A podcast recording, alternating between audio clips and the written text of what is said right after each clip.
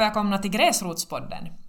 Jag heter Jenny Sinisalo och med mig har jag Elena Hortana.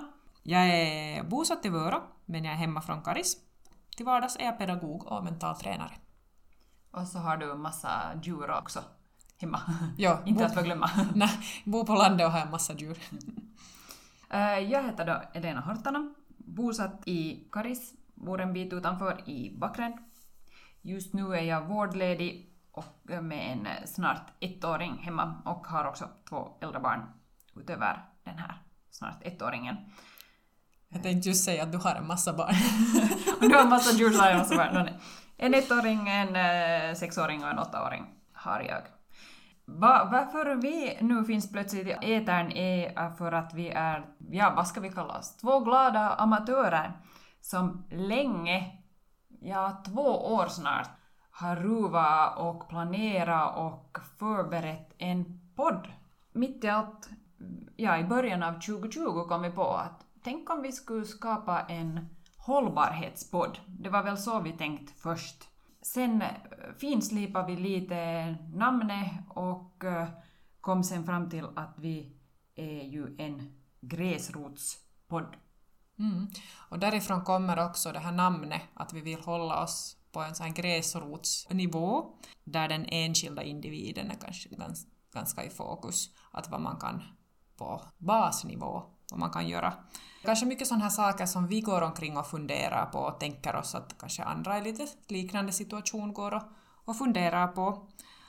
I det här introavsnittet som vi spelar in nu så har vi tänkt att vi lite berättar vem vi är, så att ni får lite pejl på det och hur vi tänker och sen i det här följande avsnitt så kommer vi bland annat att prata om, om jul och klädkonsumtion och lite sådana små miljögärningar som man kan göra i vardagen. Men också sådana hållbara tankesätt. Att hur ska vi kunna leva och fungera i vår värld? Precis. För att lite backa, det här med hållbar utveckling har man ju hört ja, ganska mycket. Man har pratat om det väldigt mycket och, det, Eh, och vad det sen riktigt är för någonting, så då ska vi gå tillbaka till 80-talet.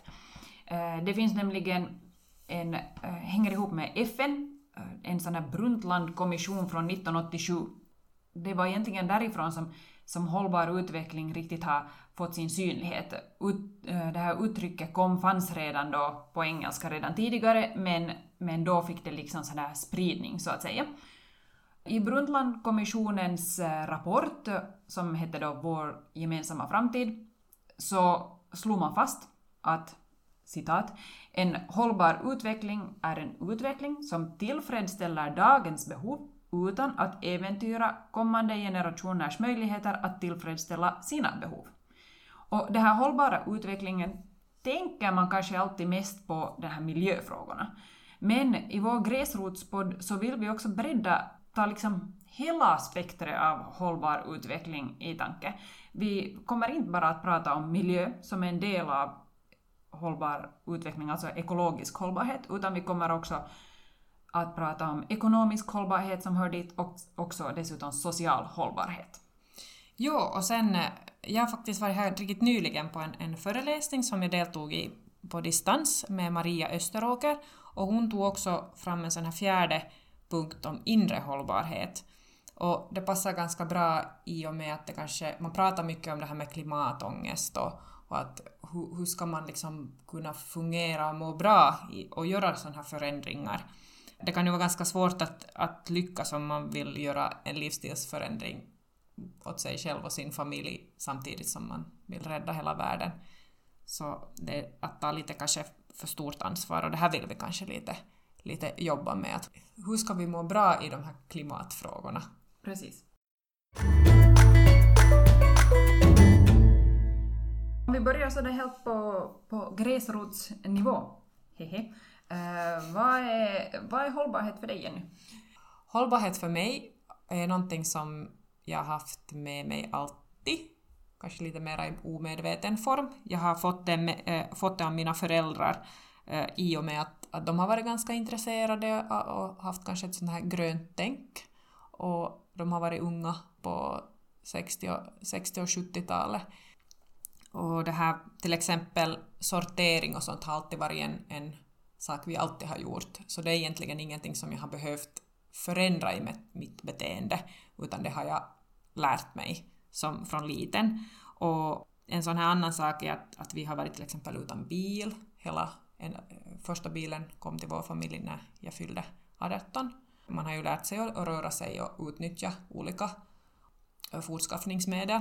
Och sen en annan sak är att loppis har också varit en sån här sak att mamma var till exempel försäljare på, på Missionstorget här i Karis och då har jag hängt med där, eller jag och min syster har båda hängt med i, i, i svängarna och det var ju en sån där plats där man kunde få saker. Att mm när man är lammabarn så fanns det inte så mycket annat men på loppis kunde man få grejer. Där har det kanske börjat, mm. om vi säger som så. Sen senare har ju förstås det kräver ju e- en del av en själv att man upprätthåller ett sånt här tankesätt. Att det hjälper ju inte att föräldrarna bara lär utan man, man behöver ju få ett eget intresse. Men jag har kanske sett de där nyttorna med att, att leva hållbart. Men Elena, hur är det med dig? Ja, eh, för mig är också de här miljöfrågorna mm, har intresserat sedan barnsben. Eh, mitt tidigaste sån miljöångest, det uttrycket fanns inte kanske då ännu på 90-talet, men eller klimatångest var faktiskt redan i lågstadieåldern på 90-talet. Jag minns att jag har varit jätteorolig för det här med ozonskiktet. Minns du att det var en så här stor fråga på 90-talet? En grej som man faktiskt har lyckats lösa. Det är ju skönt att det finns facit på, på sådana grejer också, men jag kommer ihåg att det här oroar mig jättemycket. Och det på något vis öppnar upp den här klimatfrågan och klimatuppvärmningen och, och sånt här. Att jag har oroat mig för sånt här redan som under tioåring och kanske då så småningom sen också har kommit in sådana klimataktioner, att vi har sen allt mer börjat just eh, sortera och, och, och sånt här hemma. Men att det här har hängt kvar i, i tanken och, och, vi har ju båda varit aktiva scouter i tiderna och att naturen och miljön har alltid varit ganska sådär funnits alltid med och funnits alltid nära till hands. En naturlig del ja, på något en, vis. Mm. Precis, att det här med att röra sig ute i naturen och sånt här och, och ha, det har funnits liksom en iver att bevara det för att man har, det har varit så nära på mm. en stor del av ens liv. Och det är kanske där vi har lärt känna varandra. Ja, det är väl kanske där att vi har gått på samma klass också så här men den här scoutingen har nog varit en bidragande orsak att, att vi har hittat ett gemensamt intresse. Precis, precis. Mm.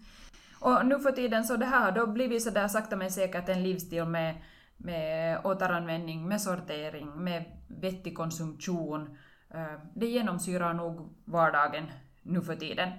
Och jag har också en, eh, jobbat många, många år som eh, textillärare och, och där har jag sen försökt föra över de här konsumtion och textiltankarna till eleverna också. Mm. Jag tycker att just att när man bor ute på landet så blir det ganska äh, synligt för en själv, eller mm. så här synligt och tydligt att hej, att gör jag så här så påverkar det min omgivning så här.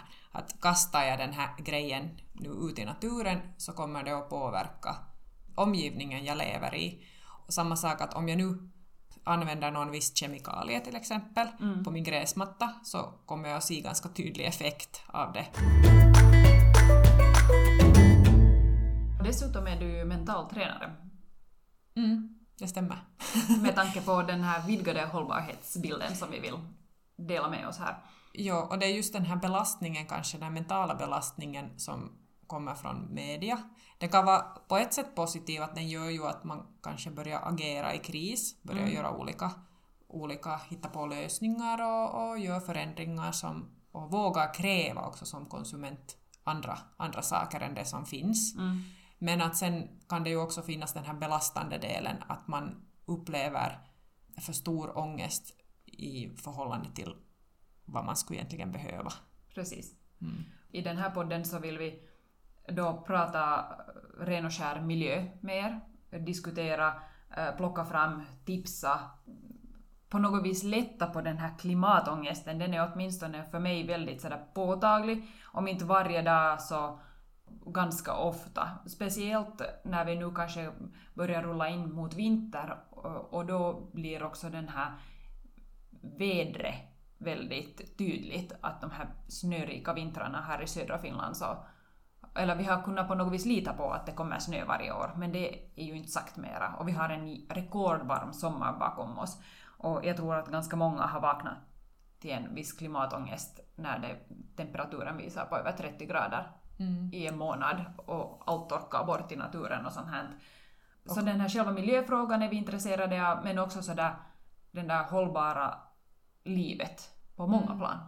Jo, och är det bara jobbigt att, att göra hållbara lösningar eller kan det faktiskt bidra mer att, att skulle man kanske bli ändå på plus mm. framom att man kanske tänker att oj nej, att nu måste jag göra så där och nu måste jag göra så där för att kunna bidra. Men att det där, den där saken man kanske ger kan ge sen dubbelt tillbaka. Det behöver inte vara en jobbig grej att göra en förändring alla gånger. Precis. Och vi är inte heller ute efter att ge massa pekpinnar om att här ska man leva miljövänligt och det här måste man göra för att eh, annars händer det si och så och sånt här. Att de här katastroftankarna och pekpinnarna, de, de vet vi redan om. Att vi försöker väl kanske mer sådär paja medhårs. Mm, att, precis, peppa. Att, ja, att vi, vi är, sitter alla i samma båt och, och, och kan vi bevisa och visa vad man kan göra på gräsrotsnivå så är det ju liksom precis det som vi tänker att vi kommer inte att kunna...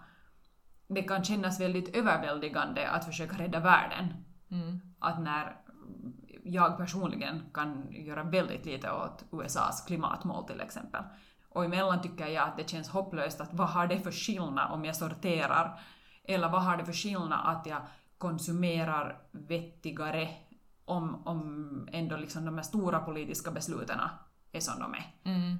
Eller är det någon skillnad om jag byter min bil till en miljövänligare bil? Att Vad har det för skillnad när, när det finns så många, många miljoner bilar mm. som fortfarande inte är miljövänliga? Vad... Och vad är sen miljövänligt? Att å ena sidan, eh, till exempel de här elbilarna diskuteras ju att är de här batterierna i dem faktiskt miljövänliga och vilket är vad är vettigare och vad är bra och vad är liksom långsiktigt. Att det, att det kanske försöker lite reda upp i den här djungeln också, att hur ska man riktigt tänka och, mm. och inte vet vi ju alltid hel själv heller. Och, och det här kanske är ett, ett sätt för oss också att, att samtidigt som vi bollar de här tankarna öppet så, så kanske vi också skulle lära oss någonting, att, att hur vi ska förhålla oss till vissa saker, att alltid vet vi ju inte svaret själva. Precis. Och då kommer vi lite in på det här att förutom då att vi har den här podden så har vi också tänkt eh, finnas på sociala medier lite. Ja, och då kan ni gå in faktiskt på Instagram och följa oss på, på Gräsrotspodden eller på Facebook. Där kommer vi också att ha en, en, en gilla-sida. Och vi kommer att släppa de här avsnitten ganska oregelbundet regelbundet. Så det lönar sig att följa lite med så vet man att när det är ett nytt avsnitt eh, på gång eller på kommande eller är redan utsläppt. Yep. Ni får gärna komma med tips och ni får gärna kommentera och dela och gilla. Och vi kan redan nu berätta att vårt nästa avsnitt kommer att handla om julen. Precis. En hållbar jul. Ja. Dessutom skulle vi då vilja här på slutet tacka våra samarbetspartners. Vi vill tacka Sparbanksstiftelsen i Karispujo för ett ekonomiskt bidrag för att vi ska kunna göra denna podden och för att vi skulle kunna då anlita fotografen Emilia Nyberg för både foton och för eh, grafiska lösningar. Och sen tackar vi också för jingeln, tackar vi John Lönnfelt för. Det är våra samarbetspartners här i början för att vi skulle kunna kicka igång hela mm. podden. Ett stort tack till er. Och då vill vi tacka för det här. Uh, hoppas ni blev nyfikna på vad som komma skall som sagt, julen nästa gång som podden kommer ut. Följ oss på sociala medier så vet ni mer när den, det avsnittet dyker upp. Tack! Tack och hej!